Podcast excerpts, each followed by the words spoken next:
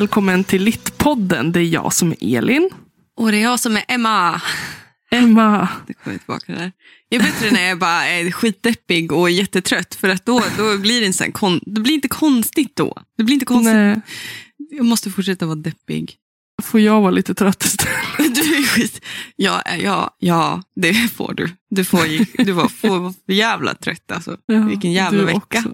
Ja men gud vilken vecka. För er som inte vet det så har ju vi eh, Jag har ju tagit min kandidatexamen nu. Yay! Yay!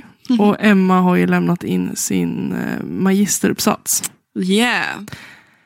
Så den gångna Så veckan, ni kanske märkte att vi var ju helt jävla frånvarande från sociala medier. Och helt så här, äh, vilken jävla vecka alltså. Nej, men alltså, jag, jag fattar inte att jag har överlevt den här veckan. om jag ska vara ärlig. Jag vaknade i morse och bara "Ugh." Nu vill jag typ inte sh- shamea din så här, äh, examensvecka, för jag tycker att ni har, ni har haft skitkul. Jag, oj jävlar, vad äckligt. Jag har en ringlight precis ovanför mitt huvud och den, den, det är glapp i den så ibland slocknar den och tänds den så då får jag, blir, får, blir jag lite rädd. Okej. Jag vill inte shamea din examensvecka, men det enda du har behövt göra det är ju fucking festa. Ja, och det tar på ska jag säga. Det är inte bara, det, det krävs. Det krävs en del för att man ska orka. Nej, alltså Ja. vi har väl haft, vi, har, vi, vi ska väl liksom inte jämföra. Det är helt Mm. olika Ja, liv tänkte jag säga, vilket är. men jag, för mig har det väl liksom varit mest att jag är trött, är väl att jag kanske är lite så socialt utpumpad. Ja. Det var väldigt intensivt, jag har umgåtts med människor, Mm. Det känns som nästan varenda minut i en vecka. Mm. Och jag tycker att det har varit jätteroligt, men det är Mm. bara att min, min, min hjärna är väldigt trött nu. Ja. Och min kropp. Ja, alltså jag, först, alltså jag förstår dig. Jag är också så här, jag vet inte eh, hur du, jag tror inte riktigt här på extrovert, introvert. Jag tänker att det är en pendel hela tiden. Men Mm. däremot så, tänk, jag brukar få säga att jag är en socialt osocial person. Jag är skitsocial av mig, alltså och så. Men jag Mm. älskar liksom att gå iväg och vara lite den där udda typen som står i ett hörn Jag observerar. och tittar lite på människor och ehm, tänker och grubblar. Alltså jag, jag tycker om att vara med människor, absolut. Men Mm. samtidigt tycker jag inte om att vara med människor. Alltså jag tycker jättemycket om att vara med människor och när jag väl är det så är jag väldigt investerad. Mm. Men sen behöver jag också vara helt själv. Där jag typ vill sitta inne på mitt rum eller Ja. så. Och inte vara med folk. Så att det är mer så vad, jag pendlar inte så mycket där i stunden. Utan det är snarare en pendling som sker eh, Mm. från gång till gång. Att nej, men nu känner jag inte för att vara, vara med folk. Och då kan jag vara ensam en hel dag och Mm. njuta av det. Mm. Min, Mm. min drömvacation är ju att få fara iväg helt själv till en okänd plats. Där jag stänger av min telefon och bara bo på hotell i flera nätter. Slippa förhålla sig till människors begär, tänkte jag säga. och bara så här, begär jag, så mycket av en. jag vill så här, bara, var ska jag gå ut och äta? Vad vill jag göra idag? Ja. Alltså ingen som ringer. Ingen som... Bara sitta typ någonstans och läsa. Eller skriva. Och så. Ja. Ja, Elin, du är trött. Det är så du mår. Men du har haft en bra examensvecka. Den har varit jättebra. Vi har haft så himla roligt. Ja. Och vi hade en jättefin examensceremoni med våra lärare. Ja. Jag fick tårta och Mhm. det hölls tal och Mhm. vi sjöng en sång. Nej, Kul. Så, ja, det, Själv tog man examen när det var pandemi lite så. på Zoom. Förlåt, jag ska inte skratta åt din erfarenhet. Men Sämsta examen jag varit med om. ja, Ja, nu snackar jag om att bli snuvad på, ja, på liksom verkligen. priset. Verkligen. Nej, men det, var, det var jättemysigt och vi, hela klassen umgicks verkligen hela dagen. Vi var Mm. med varandra från tio på morgonen till Mm. och jag åkte hem vid halv två på natten. Oj. Ehm, Jag är för Ja. gammal för sånt. Jag är äldre än vad du är. Ja, jag känner också. Fy fan. ja. Nej. Mm. Nej, det var jättekul. Mm. Och jag, har, jag har gjort väldigt mycket roligt den, här, den senaste veckan sen jag kom upp till Umeå. Mm. Och, ja, nej, men jag är nöjd. Jag är bara trött. Så att det Mm. blir ganska lugnt Mm. någon dag. Man vet alla vad som händer. Nej, man vet inte med dig. nej. Nej, jag är väldigt spontan av mig. Ja. Och ni tycker jag är impulsiv. Ni ska bara veta. Ni ska bara veta med Elin och Slin. ni, ni ska inte veta, känner jag.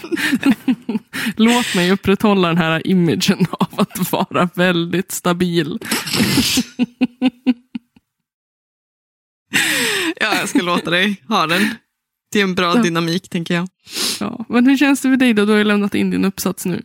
Mm. Ja, det har ju... Åh, för fan. Nej, men, det, är så, det är så jävla vidrigt. Förlåt. Nej, men alltså, Men ni det först, är det. alltså det här, liksom, det här, det här arbetet, det, liksom, det slutade med, med liksom försättsblad och innehållsförteckning abstract och källförteckning sidor. Så vart det 45 sidor där runt. Mm. Ehm, och då ska man ju bara lämna in det där och så ska man, ska man gå på någon jävla upp och ner. ska folk sitta där, dag. sitta där och ska de säga saker om din uppsats och du ska sitta där tyst och bara, jaha, jag kan inte göra om det här. jag kan inte, jag kan inte, aha, det här var, ja, men- ja, men det är skitbra. Men jag hade en jätte, jättesnäll opponent. Hon var jättegod, jättefin eh, och verkligen så här eh, peppade upp min uppsats jätte, jättemycket, vilket gjorde mig jättechockad. För att jag tänker att den är ganska abstrakt. Jag landade ju i eh, att det handlar om humor, igenkänning och döden. Då. Hur man arbetar med det kanske i litteraturdidaktik, alltså i klassrummet Mm. med den sortens litteratur. Hur, man kan, hur en läsare, hur igenkänning uppstår genom humor. Mm. Att, och då fann jag också ett resultat i det, att det fanns en sorts dubbelhet som Ola Sigersson, som har skrivit böcken, eh, en, en bok som heter Gudomliga komedier i tre band, där han pratar om liksom, mm, humorns historia och hur, tills idag och till, hur, liksom, hur humor uppstår och att det uppstår i en dubbelhet, i en dualitet. Och det är skärningen mittemellan där.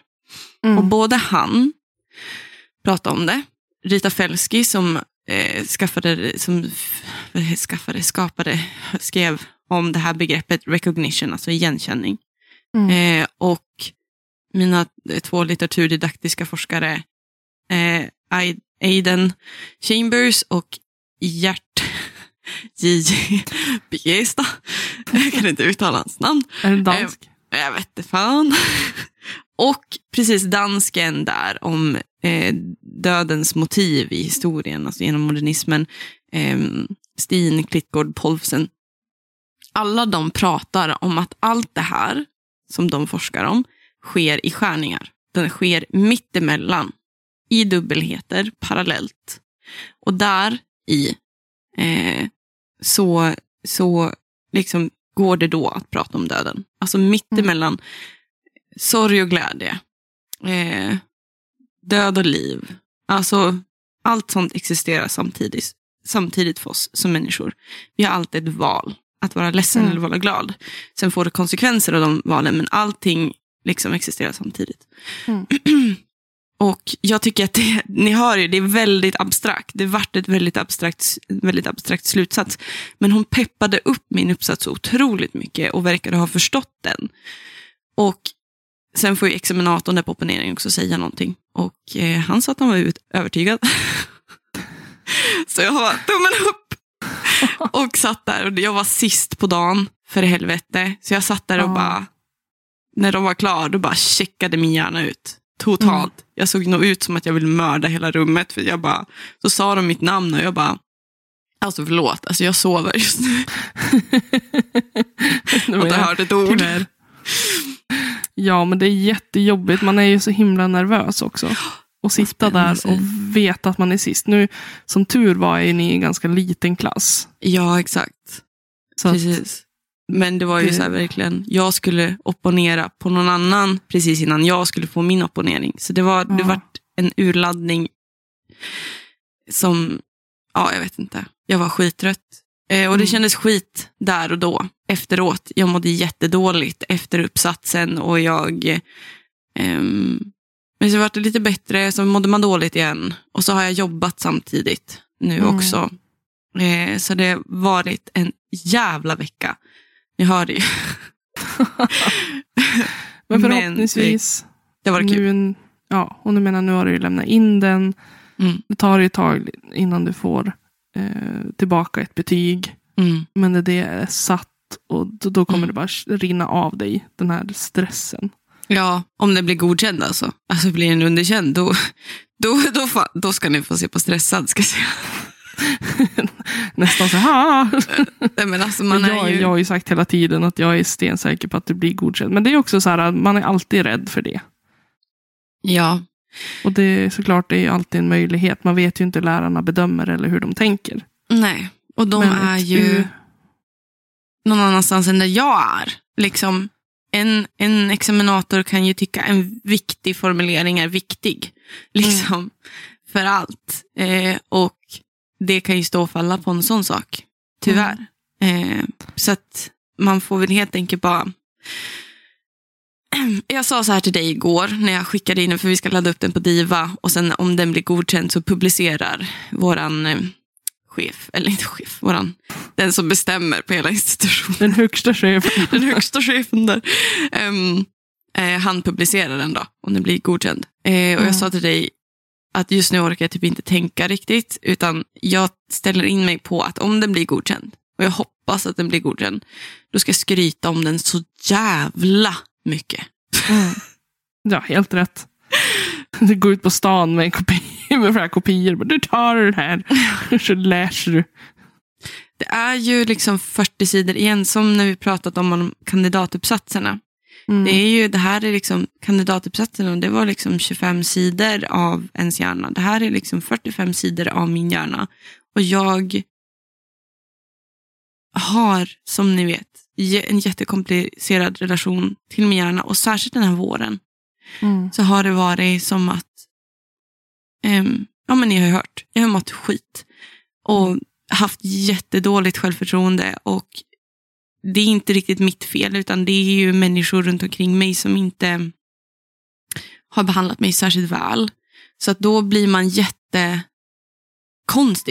Alltså Mm. när man redan har en komplicerad relation och man redan tänker att, och att folk tycker att man är för jävla konstig och så får man höra det Mm. i ansiktet att man, man är det, då, då är det, då vart, alltså det var så jävla trögt där ett tag. Mm. Och samtidigt väldigt skönt att vara i den där uppsatsbubblan. För då bara, men okej, fuck everybody. Och var så jävla arg. Jag tycker att du har gjort ett jättebra jobb. Tack. Jag hade gett en applåd men jag orkar inte. Nej, jag ser, du bara, jag ser dig zooma ut hela tiden. Jag, Så. jag halvhänger på micken. Ja, men hörni, här är det ju. Det här är ju bakis och, eh, bakis och eh, depressionspodden nu. Vilket jävla namn ska vi ha nu Elin? Vad tycker du? Jag vet inte, jag, tyckte att det här namnet var inte så jätte... tycker inte jag heller. Jag dricker en Red Bull, det är därför jag är så här uh, high Ja, on det är bra, jag dricker vatten. Det, Det är bra. det är bra för det. Eh, Men jag tänker på för det här senaste året, för både dig och mig, vi, det- vi har ju gått igenom väldigt mycket som sagt. Det har ju hänt väldigt mycket i, i skolan för både dig och mig. Ja. Ehm, Och det var väl lite det vi tänkte prata om idag. Ja, men alltså vi kör in och pratar lite om akademin. Eh, där vi har varit det här året. Ja. Och eh, jag ställde lite på våra sociala medier, på Instagram så ställde jag, om ni ställde jag, frågade jag er om ni hade några frågor. så att ni hade lite frågor. Ja, det var kul. Och något påstående där. För jag bara, berätta vad något kul också. Alltså det är ju bara roligt uppe på den. Så det tar vi upp sist, tänkte jag. Ja. Ehm, så, Ehm, men ehm, Elin, Life is shit. And then you die. You die.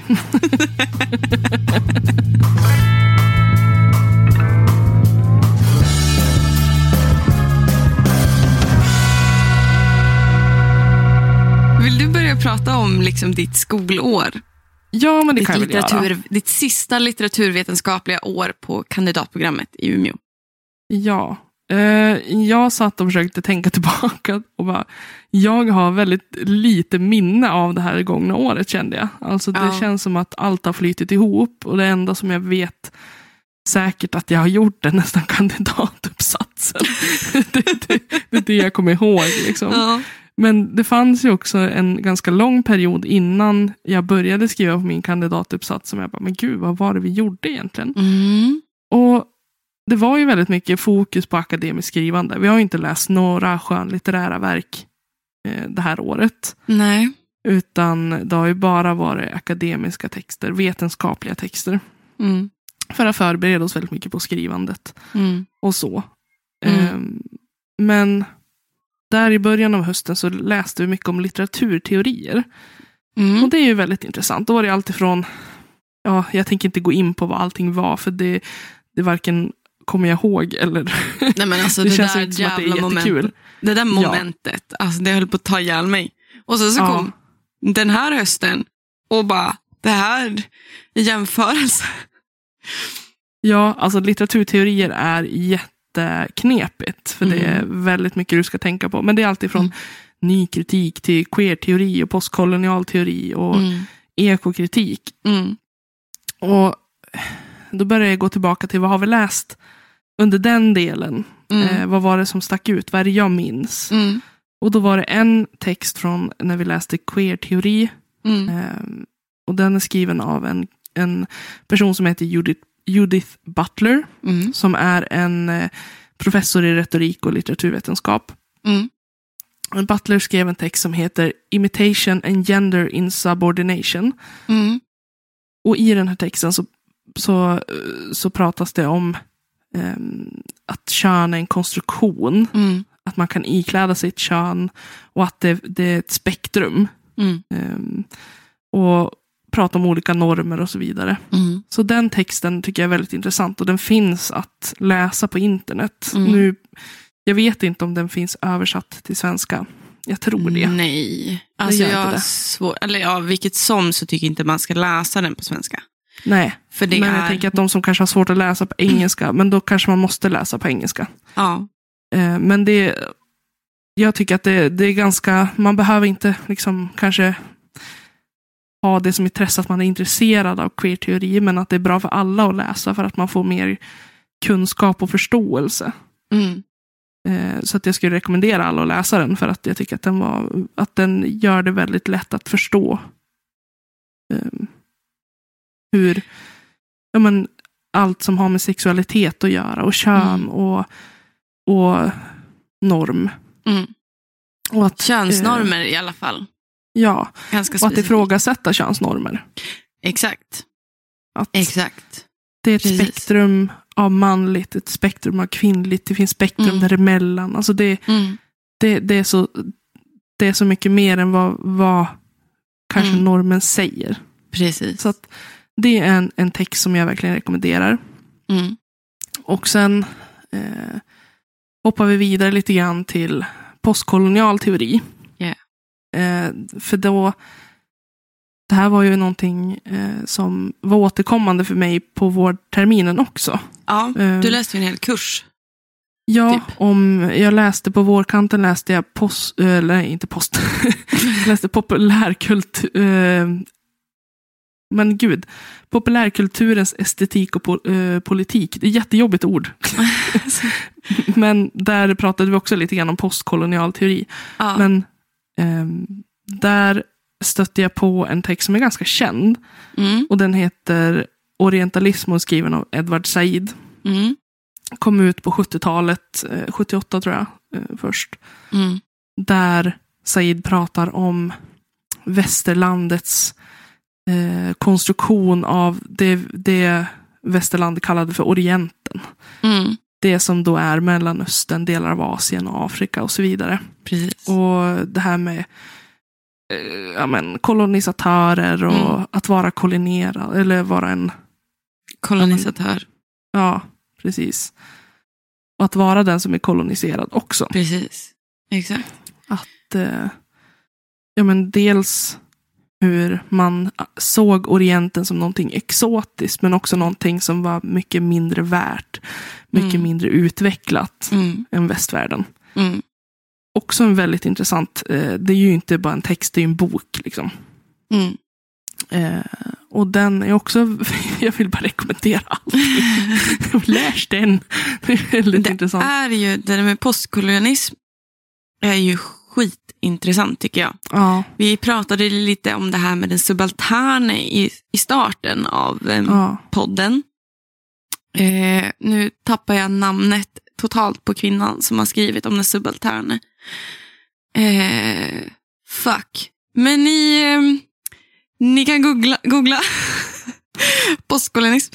Eh, I alla fall, det är så intressant för att det, är, det handlar om att förstå väldigt Mm. mycket. Att vi alla människor kommer från olika kulturer. Mm. Och att vi vita människor har väldigt svårt och haft det rent historiskt att acknowledge our privilege. ja. Ehm, och tro, och vi har alltid haft den här äh, känslan och beteendet, ett, ett sorts, sorts samhällskulturellt beteende där vi gärna höjer upp oss själva till den nivå så att det nästan blir på en psykopatisk nivå mot ja. de kulturer vi inte förstår. Mm.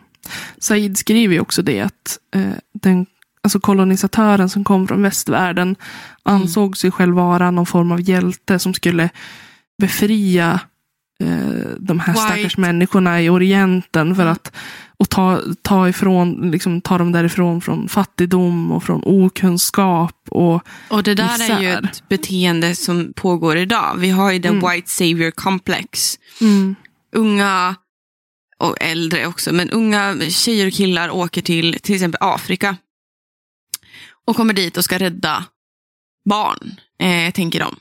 Eh, Mm. Och sen så är de där en månad och så åker de hem och glömmer bort det.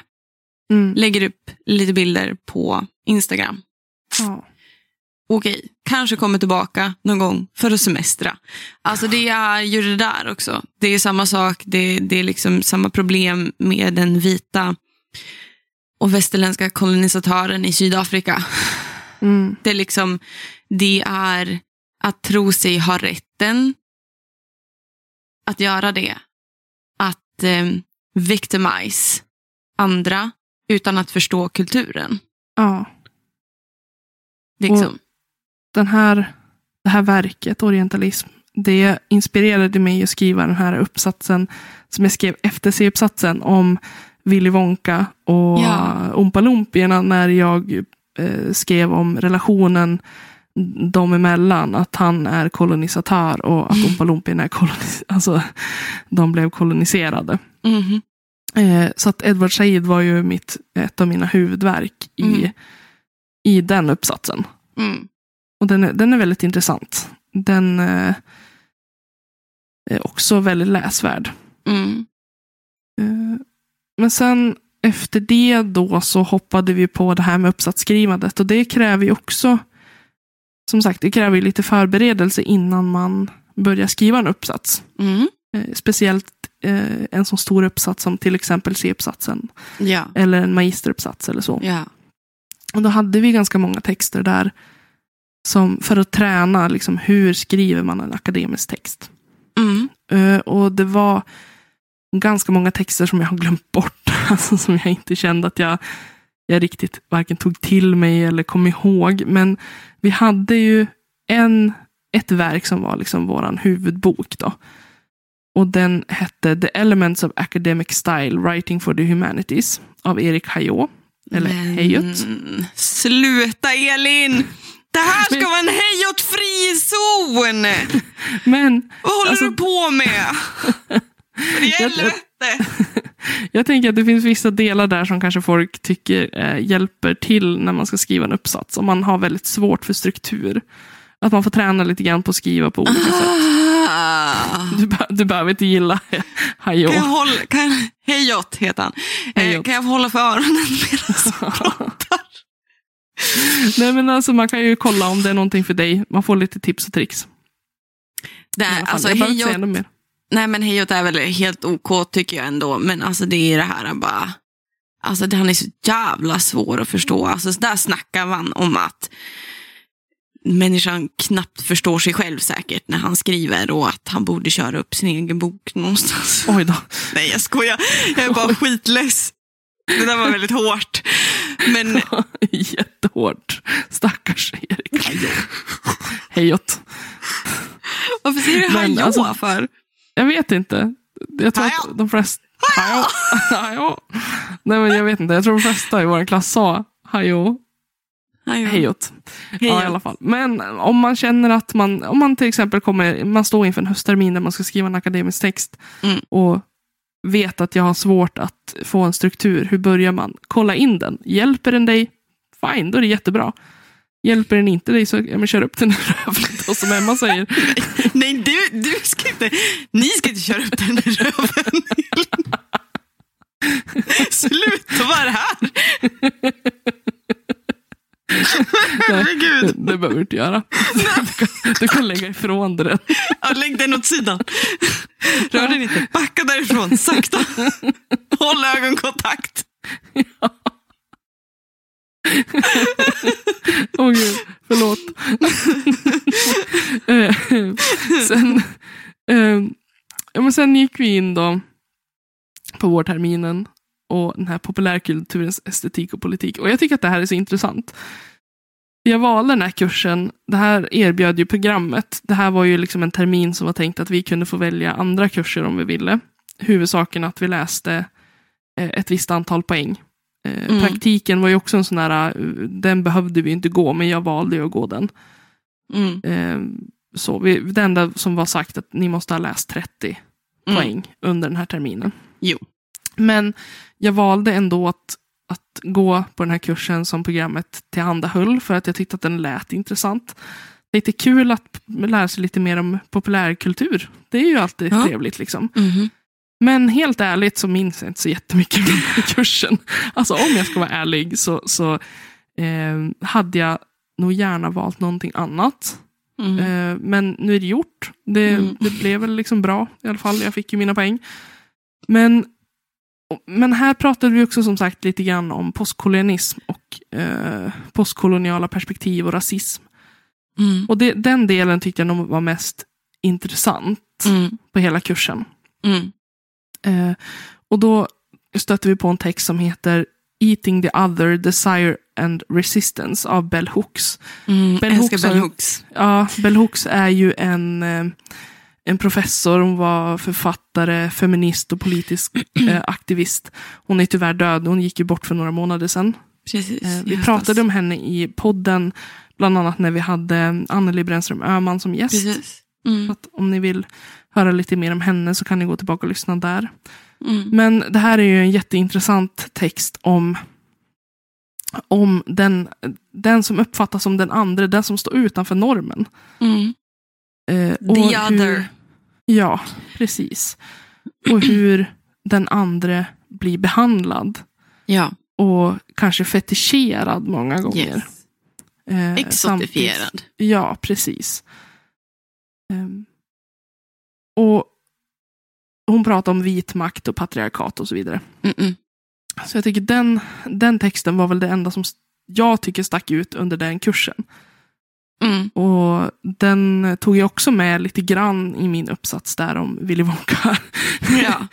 Eh, där jag pratade om Oompa som den andra, alltså rent Mm. kollektivt den andra. Mm. Precis. Eh, att man fetischerar dem, att se dem som kanske underhållare. Att de är till för att underhålla mig, den vita mannen. Precis. Eh, Och där i det ligger deras värde. precis. De har inget intrinsikalt värde, inre Nej. värde, utan det är jag som lägger värdet för att jag exotifierar eller fetischerar Ja, dem. precis. Och man, eh, man vad ska man säga, de finns bara till när jag vill ha dem. Precis. Och sen duger de inte. Nej. Utan, eh, oj vad det blinkar. Jag vet, det Emmas ringlight lever sitt eget lilla liv. Det är som en party, partylampa. Nej men det är väl liksom det jag har med mig från det gångna året. Och sen har jag gjort väldigt mycket. Jag har ju skrivit väldigt mycket. Jag skrev ju min C-uppsats. Jag skrev en annan uppsats. Och sen har jag Mm. haft praktik. Så att det var det väldigt mycket praktiskt arbete kan man väl säga. Mm. Och inte så mycket läsa. Ja, har, man har ju läst väldigt mycket till uppsatserna också. Det ingår ju. Mm. Men Men Och det- mycket vetenskapligt, mycket teori. ja, mycket essäer. Mm. mycket ja, vetenskapliga texter. Och det har ju varit liksom roligt på sätt och vis också. Mm. Även om jag på något vis, men jag kanske också romantiserar den tiden i början när vi läste jättemycket skönlitterärt.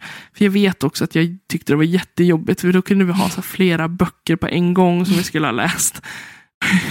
Ibland fick man ju köra typ på dubbla hastigheten om man lyssnade på en ljudbok till exempel för att hinna med.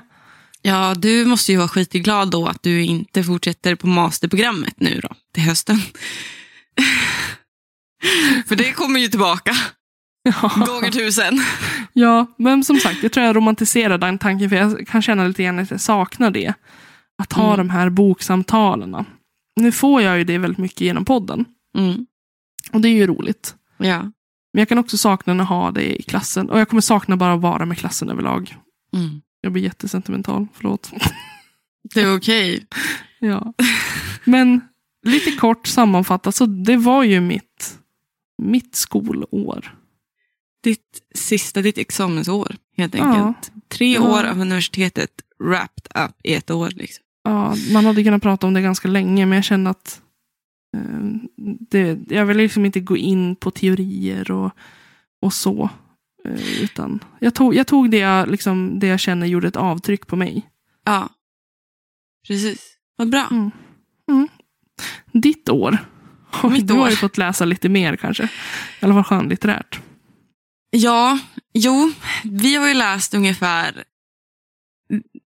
Det är liksom, alltså det är nog det sjukaste jag har varit med om. I alla fall hösten. Mm. Sjukaste jag har varit med om. Ehm, jag tyckte det där teorimomentet du pratar om nu, det var tufft. Ja. Ehm, jag sket i hälften av de där. Och sen fick jag jättesnällt av, av lektorerna där på institutionen så fick jag skicka in ett år senare då. Mm. Eftersom jag orkade, jag jobbade ju samtidigt också. Men det här, den här hösten eh, var ju i tre dubbla fart. Eh, vi började också med teorimoment faktiskt, Mm. med, tillsammans med en klass eh, från media och kommunikationsvetenskapen, vilket var väldigt intressant för då fick man hålla på med sådana som typ eh, Goffman, eh, självframställning i vardagen, eh, läste vi om. Och sen så McLuhan, eh, The medium is the message, eh, men också alltså, The Mad Woman in the Attic, en av Mm. mina bästa feministiska verk. Den där, eh, jag kommer inte ihåg vad professorerna, eller de som författarna heter, jag är Nej. sämst på det. Men i alla fall, de samtalar till exempel om liksom kvinnan som den andra. Och då vill föra fram den andra kvinnan i ljuset eh, väldigt Mm. mycket. Och där, för mig, eh, så pratar de om eh, Jane Eyre. Att det är egentligen ett palim palimpsest, kallas det. Det vill säga att det finns en subtext bakom. Eller det finns någonting bakom. Den, den är skriven, i det, är, det är Jane Eyre, det är berättelsen. Men det finns en annan handling, det finns en annan, någonting annat bakom texten. Mm. En annan handling som löper parallellt med texten på sätt och vis. Ehm, jag, kan, jag är sämst på att förklara det här, men jag tyckte det var så intressant. Mm. För att det blir, för mig fast kunde jag sätta ord då på varför jag tycker om att ärva böcker eller äga böcker som andra har ägt eller få böcker av andra människor som kanske har skrivit i dem. För Mm. att det berättar också sin historia. Liksom. Mm. En bok ägd av någon annan, varför den är vikt på vissa ställen eller understruken på vissa ställen, berättar också parallellt med bokens story även läsarens berättelse. Mm. Eh, nu vet jag inte om jag tol- applicerar palimpsest-begrepp, palimpsest-begreppet helt fel på det. Men jag gillade just den där grejen att diskutera palimpsest och betydelse bakom betydelse och subtext bakom subtext och kontext och, ehm, och sådana saker och vad man kan plocka ur som kanske inte var meningen Mm. att det skulle komma fram. Men nu kommer den här parallella berättelsen, eller dimensionella berättelsen, ändå fram liksom i Mm. modern tid. Och det, det tyckte jag var jätteintressant. Och sen så, alltså Goffman tyckte jag var lite sög lite. Ehm, jag förstår, det är det, självframställning, alltså du spelar teater. Ehm, typ så. Eh, och det var väl intressant. Jo, det, för jag kopplade väldigt mycket till det här med NPF, ADHD, autism. Att eh, förmågan att anpassa sig, mm, ibland kan man kalla det masking. Mm. Det vill säga, jag, eh, jag är väl, till exempel jag är duktig på det här med masking inom citationstecken. Jag är duktig på att vara, att verka som att jag mår bra. ehm, när jag mår fruktansvärt. Mm. Alltså fruktan, fruktan, fruktansvärt. Jag kan liksom dölja det. Och det har ju lite med det här med Goffman att göra. Liksom att vi, vi till och med liksom fysiskt i ansiktet kan dölja vilka vi är. Mm. Så vi pratade väldigt mycket om psykopati under Ja. det. Och så pratade vi lite om Max Weber och det var för jävla svårt. Jag kan inte återberätta Max Weber alls. Men han är lite sexy tycker jag, så att det är nice. och sen så kom de här jävla eh, skönlitterära momenten. Vi hade, då hade vi, alltså vad hette det? Gösta Berlings No. saga hade ni. Nej, nej, Mm. nu är du alldeles för snabbt framåt. Oj. Jag är kvar på hösten. Vi hade två moment efter varandra. Vi hade nordisk samtidslitteratur och sen kom det moderna genombrottet. Nordisk samtidslitteratur, jag tror jag läste 16 stycken verk på fyra veckor. Ja. ja, det var sjukt. Alltså, det, Det det, var ju till och med böcker som ni inte kunde få tag i egentligen. Ja, precis. Och jag vaknade med de böckerna eh, och somnade med de böckerna i sängen. De låg liksom bredvid mig. Mm. Eh, det enda jag gjorde det enda jag gjorde var att läsa. Jag läste, läste, läste, läste, läste. Ehm, och sen skulle vi ju ha någon så paper och det gick för jävla dåligt för mig. det jag tar med mig därifrån var faktiskt um, Alva Dahl. En, hon är en, för, en poet och författarinna och även språklektor tror jag. Eh, hon, övers hon är översättare i alla fall. Och genom henne fick jag också boktipset eh, Arnold Nordlinds bok eh, Från min veranda som har kommit att bli en av mina trösteböcker det här, den, den här halvan av året. Ehm, väldigt. Och sen efter det så var det ju moderna genombrottet. Det var bara August Strindberg för hela jävla skiten. Liksom. Det var, alltså, jag har aldrig läst så mycket Strindberg i hela mitt liv. Nej.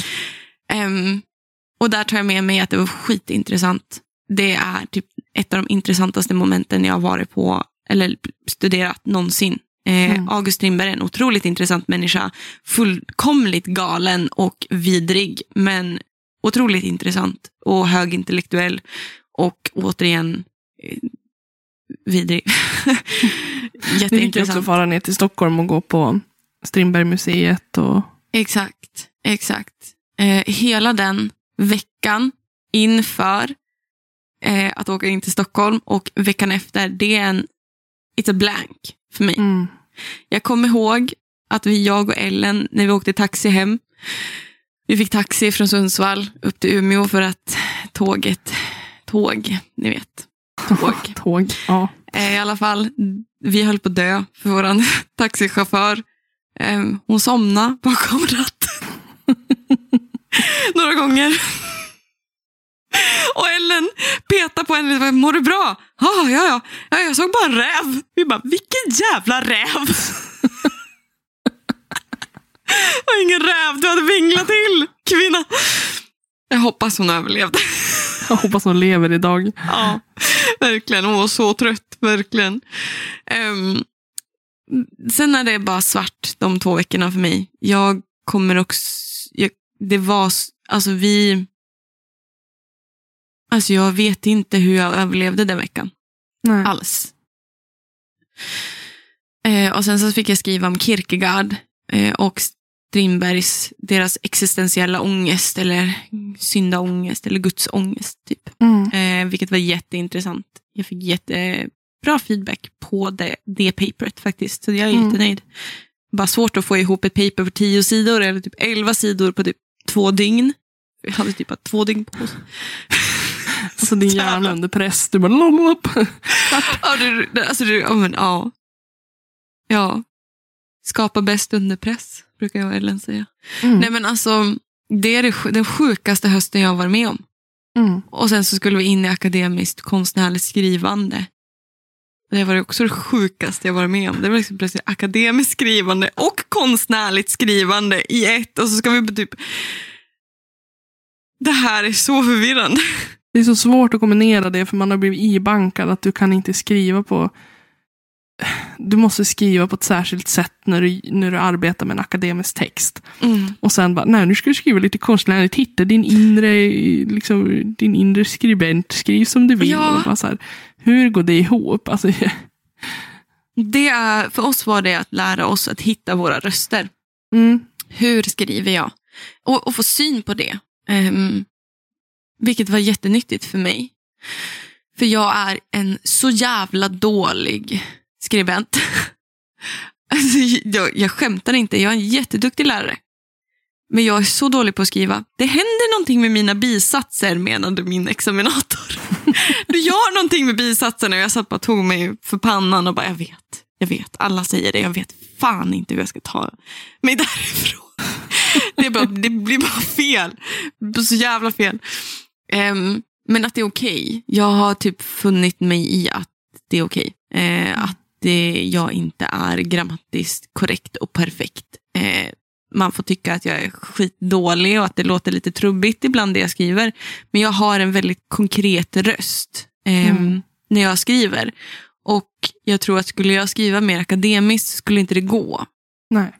Ehm, ju närmare essä, desto bättre blir jag. Ja, jag tänkte säga också, för du tycker ju inte att skriva, att skriva akademiskt tycker inte du heller är roligt och då tappar du lite grann liksom suget att göra det. Nej, och jag är bättre på, på engelsk akademiskt skrivande faktiskt. Ja. Mycket, mycket bättre. En mycket högre, mycket högre nivå. Jag har haft människor runt omkring mig som har sagt att Åh, men det är för att det är enklare. Nej, det är inte för att det är enklare. För helvete. Nej. Det är för att det är bara, jag har bara en, en fördel där. För att jag tycker det är roligt att skriva Mm. på engelsk. Engelskt eh, akademiskt skrivande. Men Mm. Svensk akademiskt skrivande är väldigt tråkigt, väldigt blant, väldigt stötigt. Eh, inte alls gestaltande och så vidare. Eh, så jag Mm. hatar det. Jag skriver gärna essayist istället. Ehm, ja, det var höstterminen. Du- jag pratar jättefort också för att försöka ta mig igenom. Jag vet inte vad... Det är så mycket jag har läst och det är så mycket eh, som, som fastnade och samtidigt är det så många blanks. Alltså så många, det var så stressigt. Så Mm. att jag... Vi har sagt det alla i klassen att vi nästa, jag vi tror att vi är lite utbrända. Helt ärligt utan att skämta om det. För att det var, jag kan inte förstå hur vi tog oss igenom hösten. Jag Nej. tog mig igenom hösten. Jag, eh, så det är väldigt mycket så här, eh, jag var inte särskilt sane i höstas, tror jag. Nej. Eh, vare sig liksom, jag, nej, jag, mådde, jag kan inte säga att jag mådde dåligt. Men jag hade inte tillgång till hela min hjärna, helt enkelt. Nej. Eh, vilket gjorde att jag tog dåliga beslut när det kom till sömn, mat och känslomässigt mående, helt enkelt. Mm. Men nu så, så kom våren då. Ehm, ja, då läste vi Gösta Berling och applicerade teorier på den romanen. Och det var intressant. Jag kom ju fram till att um, Gösta Berling, han är en fuckboy. Eventuellt en narcissist. Eh, man skrev väl i din uppsats, eller i ditt papper, eh, paper, det Ja, att han var en fuckboy. Du Ja, använder det- fuckboy. Ja, jag använde faktiskt ordet fuckboy. Eh, otroligt anakronistiskt. Ehm, jag tror att min... Men alltså, min, eh, min examinator sa också, återigen, hon var övertygad. jag är duktig på att övertyga människor. Även kring det anakronistiska. Nej men, eh, nej, men jag menade på liksom någonstans att ehm, nu tycker jag Gösta Berling är väldigt intressant utöver det. Jag bara stör mig på karaktären Gösta Berling. Men jag fastnade vid, är det här Gösta Berlings saga, som är att det är han som återberättar det? Eller är den, är, liksom, handlar det om Gösta Berling som huvudkaraktär? Mm. Eh, vilket är väldigt intressant. Det är, båda, båda hållen gick. Liksom. Och då fastnade jag vid att han är en fuckboy, en narcissistisk fuckboy. Som återberättar sin egen story på ett otroligt romantiserat sätt.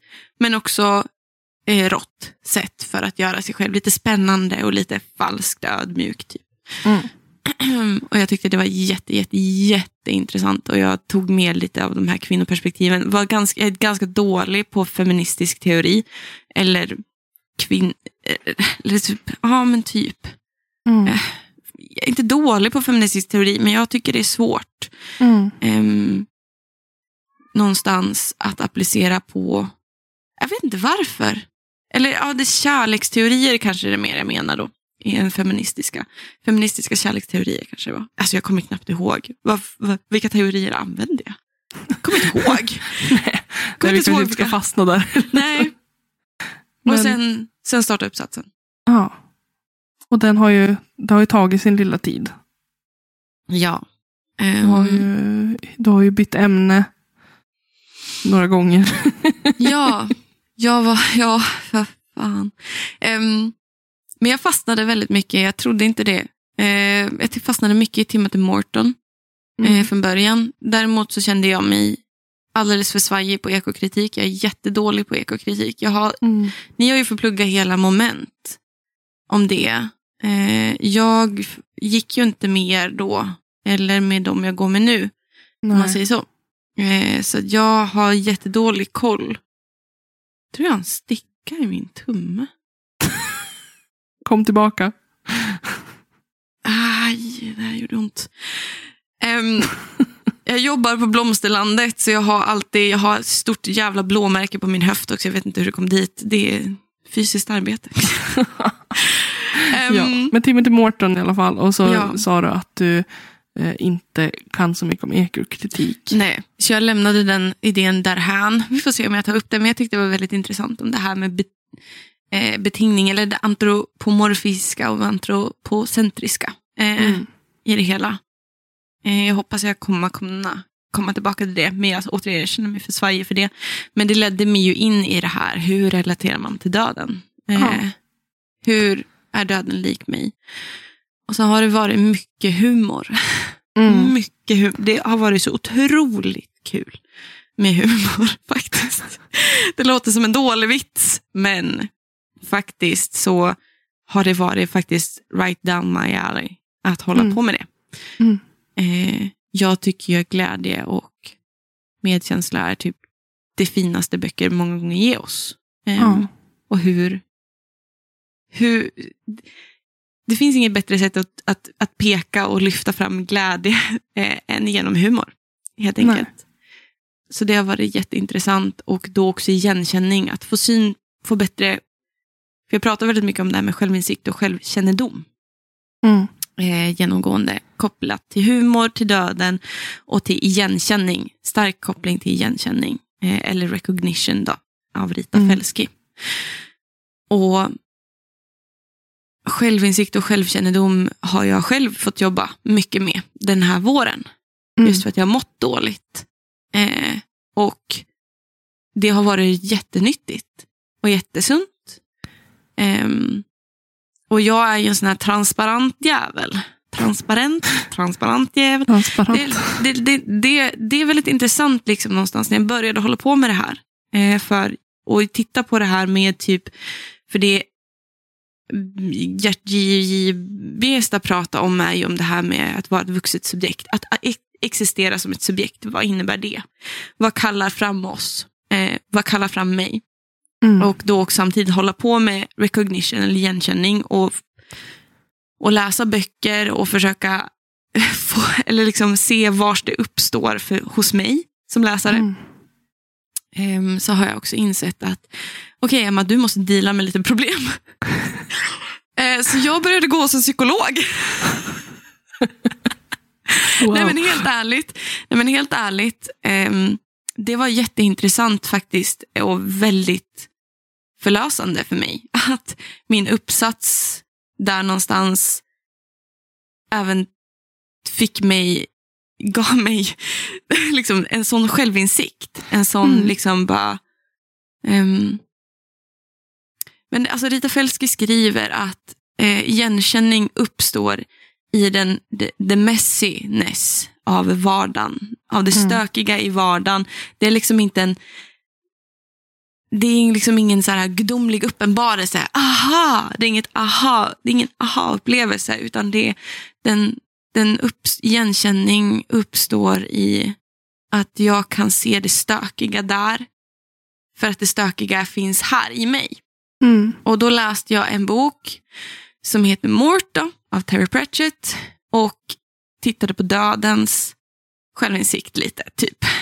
Och han, hur han hanterar sin omvärld och hanterar att vilja bli ett subjekt, ett mänskligt subjekt på sätt och vis. Men också vad som krävdes i den förvandlingen och, och hur han satte ord på känslor och förståelse av människor och så. Och då kom inte mitt aha moment, men jag kände mer och mer Mm. att min puls var hög och att här är det saker som påverkar mig. För att Mm. jag känner igen stöket i boken, för att stöket finns i mig. Så jag började gå som psykolog och det har varit otroligt, alltså fantastiskt, måste tror jag, säga. Människor i större utsträckning behöver gå till psykologer. Oh. Oavsett om man tänker eller inte. Jag tänker så här, vilken bra investering i sig själv. Ja. Bara det här att kunna sätta ord på känslor. Ja. Och så någonstans också, alltså jag eh, märkte någonstans genom mina privata terapisessioner i min lilla uppsatsbubbla. Men även där hos psykologen att samtalet ofta snurrade kring att, att bli lämnad för mig. Att bli ensam. Att jag har ett riktigt dåligt självvärde. Ehm, jag låter människor behandla mig. Människor säger jag nu generellt, men jag har varit satt i situationer där, där jag inte har varit rättvis mot mig själv. Nej. Helt enkelt. Helt på mitt, det är mitt eget ansvar i det. För att mitt självvärde, mitt självvärde är dåligt, vilket har försatt mig i de situationerna. Och att det kan inte vara så om jag vill må bra. Nej. Och jag mår bra när jag får sätta gränser. Vilket alla mår bra av. Men hur gör man då när man aldrig har satt gränser förut? Eller kan ens verbalisera sina gränser? Och där var Mort och Döden eller Reaperman väldigt, väldigt bra. Ja. Faktiskt. Och jag tänker också så här att- att det kanske då ni som lyssnar ska ta med er av det här är att välj, försök att liksom välj uppsats, inte liksom vad andra vill läsa utan vad som Mm. får er att brinna. Och Precis. att det är okej också att byta ämne. Hundra gånger. Nu vill Elin wrappa upp det här, hör jag. Nej, men jag, jag tänker att, jag satt, det, det var en tanke jag fick upp, att, Mm. att det är jätteviktigt att uppsatsarbetet, när det är så tungt, och när man upplever att det är mycket tunga saker runt omkring en, Mm. att man har valt uppsatsämne med omsorg Ja, för att eh, inte det här ska fastna. man göra. Ja, det ska ju liksom vara någonting som förlöser på något vis eller som ger dig någonting. Och det ska inte vara, det blir ju ett stressmoment men det ska inte heller vara en, en källa till ehm, obehag Ångest. eller ångest eller vad det nu kan vara. För det verkar ju, alltså din uppsats har ju ändå gett dig väldigt mycket glädje och väldigt mycket insikt.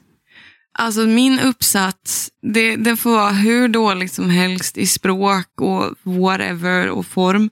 Men det, det, jag är så nöjd någonstans. För att jag har blivit en bättre människa efter den här. Liksom, inte bättre, men jag känner mig själv bättre. Mm. Jag är mer fine med saker som jag inte var fine med innan. Mm. Ehm, och jag är väldigt stolt över mig själv. För att jag skrev, jag skrev liksom, precis nu nästan för ett år sedan fick jag ju godkänt på min filkandidat. Så jag har skrivit en kandidatuppsats och en magisteruppsats på typ ett år. Mm. Vilket är, för mig, blir det lite så här, du gör det här nu, det som du, du har alltid trott att du är så dum, men Emma, hur kan du vara dum när du gör sånt här? Liksom, Mm.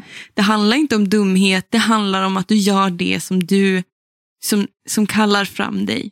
Som Mm. kallar fram dig som subjekt. Helt enkelt. Mm. Och som Elin säger, det är viktigt att vara noggrann med vilket uppsatsämne. Vilket också innebär att det behöver, de kommer fråga, fråga er, vad finns det för relevans bakom ditt Mm. ämne? Vad finns det för relevans i att välja den här boken? Vilken relevans har den här boken? Vad tillför det forskningen? Relevansen, den har du redan fått syn på. Du kanske inte kan verbalisera den, men du har redan sett någonting. Mm. Ehm, så välj där du har sett någonting. Mm. Det som drar i dig, så kommer resten dyka upp. Och lita på din magkänsla, Mm. så kommer det mesta lösa sig. Mm. Helt enkelt. Ehm, life is shit and then you die. Men lite humor på det, så går det mesta bra. Ja. ja, men snyggt. Ska vi gå vidare till frågorna kanske? Ja, vi hade ju några stycken faktiskt. Eh, ska vi se här. Fan vilken jävla partylampa, den blinkar som verkligen. satan. Elin, Mm. kan du tänka dig att läsa Picnic at Hanging Rock? Filmen är baserad på boken. Ja, bara för att ge lite kontext. Det var en kompis som skrev det här. Hon har försökt tvinga mig att se på den här filmen. Eh, och jag har sett trailern och den verkar jättedålig. Så jag säger nej Rebecca, jag tänker inte läsa boken. I'm sorry, Oj, no. vad tvär du var. nej, jag, nej, jag kände bara att jag, den är jätteflummig och hon skrev den, tror jag, för att jag skulle reagera på den. Och vi säger tut tut och partyhattar till Silla Ingeborg. Eh, hon skriver så här, för jag sa också berätta något kul. Mm. Kul. Eh, min pocket kommer i veckan. Det är kul. Det tycker Kul. vi också är jättekul. Bra jobbat med applåd. boken. Ja. Hade man haft så här radioprogram så kan man tycka så. Yay! Vi låtsas att vi har en sån. Och så fick vi en fråga. Om ni fick officiellt avlida en literary trope, vilken hade ni valt? Mm. Jag satt och funderade lite länge lite grann på det där. För att jag kom inte på några tropes, även om vi har haft ett avsnitt där vi bara pratar om tropes. Ja, Men min hjärna står still. Men jag tänker på en trope eh, och det är ju typ så här rich meet eh, poor. Poor. Alltså så här, Askungen. ja, men, men typ så här lite så här CEO, kärlek, eh, blir kär i sin, alltså så här, Mm. maktbalansen däremellan. Typ så här, bara för att jag har pengar så har jag makt över dig. Lite så. Men alltså literary tropes, det är skillnad mellan det och romance tropes antar jag. Eller? Ja, men det är ju en, en literary trope i romance. Ja, jo precis. Ja, att det är en trope jag vill ha. är liksom teman. Ja, okej. Eh, ja, lyckliga slut tänkte jag säga. Nej, jag skojar. Jag skojar, förlåt. Ehm, en trope jag skulle vilja avlida. Eh, Avliva kanske man säger. avliva, avlida. Jag vill ta ihjäl den här tropen som behandlar ehm, åldersskillnad. Eh, där det är en äldre och en yngre. Alltså menar du typ så här... um, Eh, då är romance då, tänker jag. Mm, För jag tycker inte, jag, jag försökte hålla på med de här Katarina von Bredow. ja, Där det handlar om en tjej som, som blir kär i sin bästa kompis pappa. ja, gud ja. Tack Usch. Ellen för den boken. Jag njöt inte när jag läste den. Jag också Så läst den. jävla psyko. Förlåt. Ja, men Katarina eh, Bredow skriver väldigt mycket sjuka. Hon har ju skrivit Syskonkärlek till exempel. Där Mm. det är två eh, halvsyskon tror jag med. Som blir Ja. eh, kära i varandra och, och så vidare. Så Men ju hon är också väldigt ämnen. revolutionerande för att hon behandlar de här svåra ämnen. Det Ja. har jag ingenting emot när det finns någon sorts... ehm, men jag har väldigt svårt för det här... äh, när, man, när man i så här, särskilt i relationsromaner, romaner, nu till exempel Papperspalatset som jag läste där det är liksom så jävla sjukt liksom, eh, i förhållandet mellan, mellan huvudkaraktären och hennes man och huvudkaraktären och hennes ungdomskärlek. Eh, där jag bara upptäckte att hennes ungdomskärlek typ Spoila inte. våldtar henne. Oj. Nej men inte riktigt så. Men jag problematiserar att Ja. skriva om komplex, komplexa relationer. Eh, jag vill också då avlida att romantisera eh, åldersskillnader. Mm. Eh, jag kan tycka särskilt i ungdomsroman romansböcker. Jag tycker inte ett problem om det blir problematiserat i boken. Om det dyker upp någonting som gör att man kanske får spinn lite på det här. Grooming är en riktig grej. Mm. Så är det ju. Ehm, jag tycker man ska vara försiktig. Så jag vill avlida den tropen. Jag romantiserar inte grooming. Jag romantiserar absolut inte åldersskillnader. Nej. Och att det ska vara något jävla sexigt över det. Det är det inte. Um, groomande människor kan dra åt helvete. Som bandet Lilla Syster så fint Ja. säger. Så är det. Det, Ja. det är det. Ehm, för och nackdelar med ljudböcker. Eh, jag tycker att det fördelen är att man kan göra annat medan man läser. Jag tycker att det är skönt att kunna ha på en ljudbok medan man städar eller man är ute och går eller så. Om man inte vill lyssna på musik. Eh, Mm. Nackdelen är väl eh, själva industrin.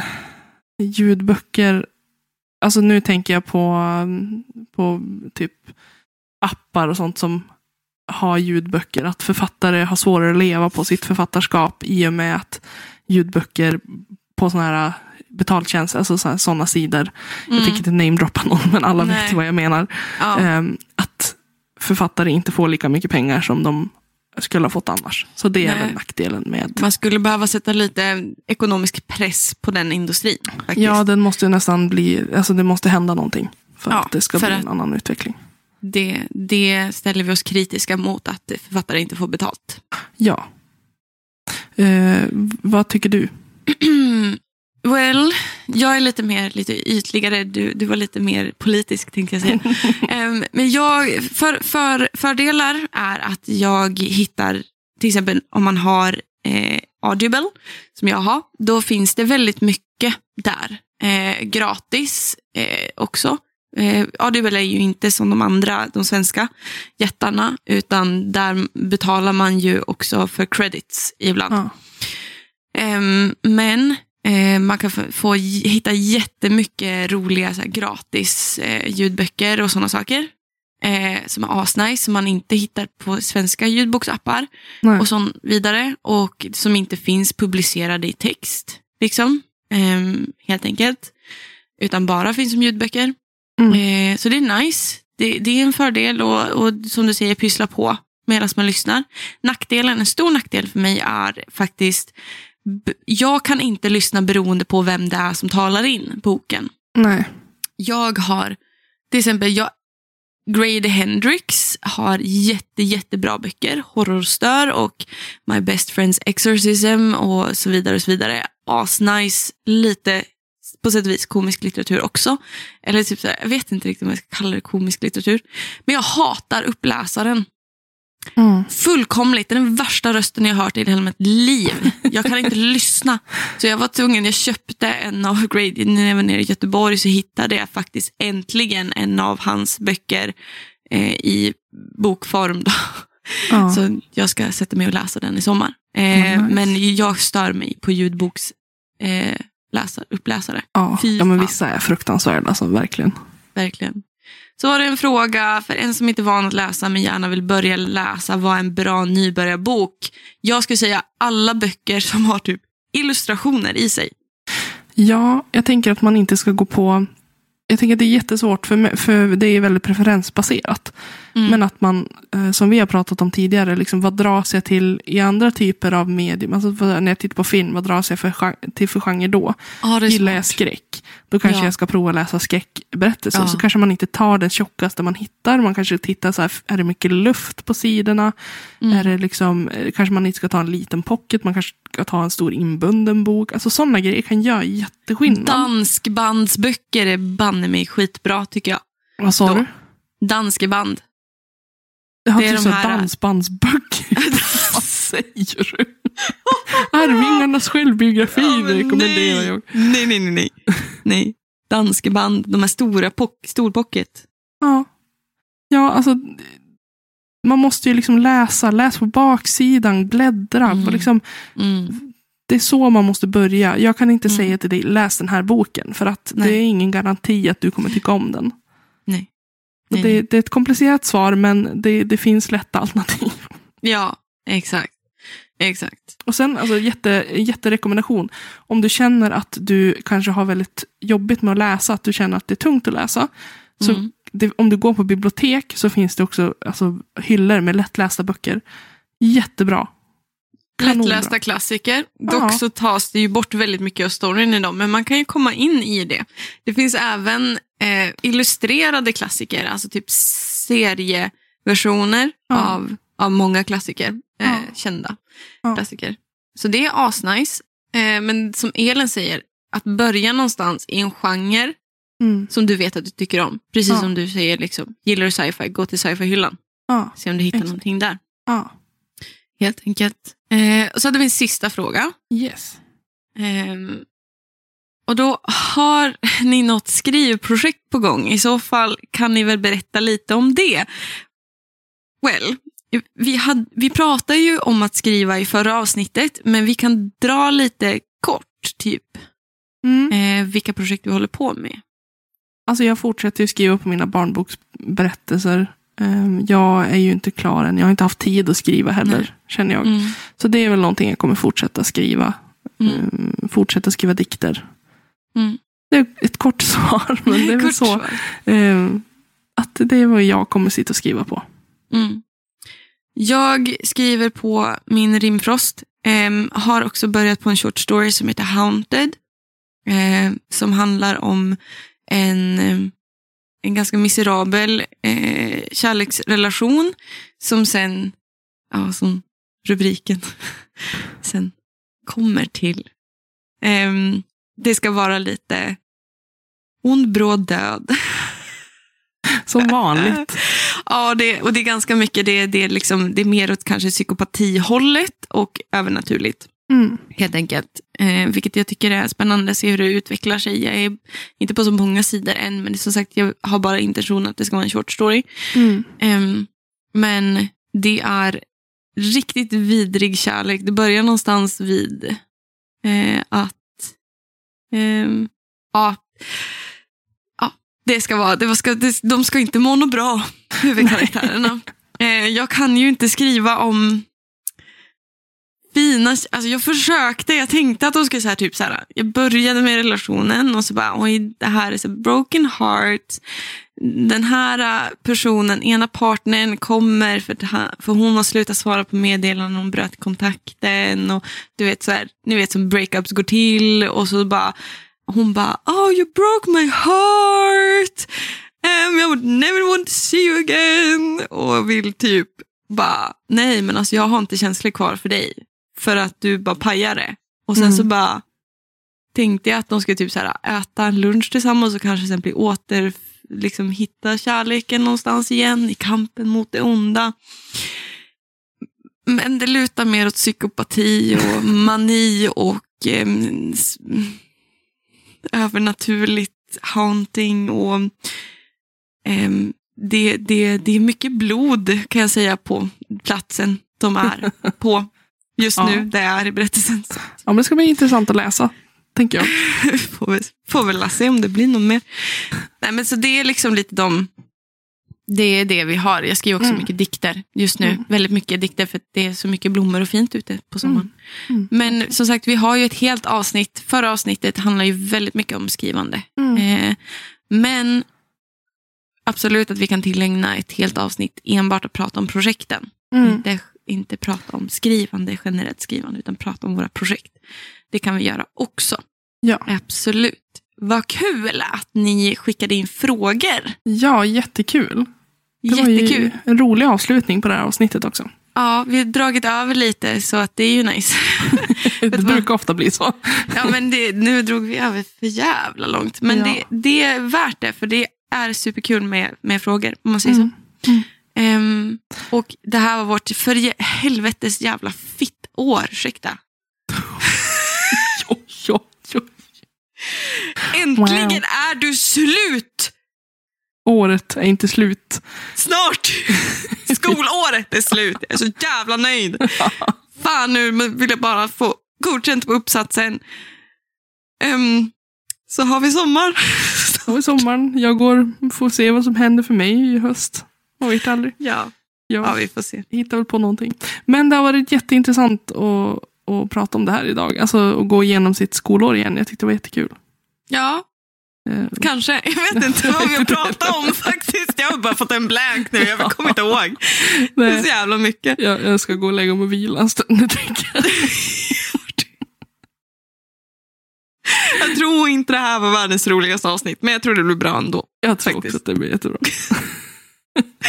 Gå och vila Elin, så hörs vi. Och ni får ha en så bra dag, hörni. Ha det så bra. Vi hörs. Vi hörs. Hej. Hej.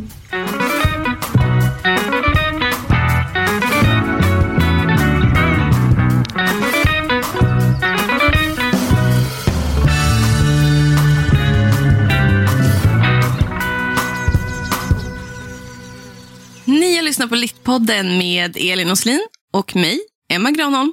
Musik och klipp av Magnus Kjellson och Robert Granholm. Tack hörni för att ni har lyssnat.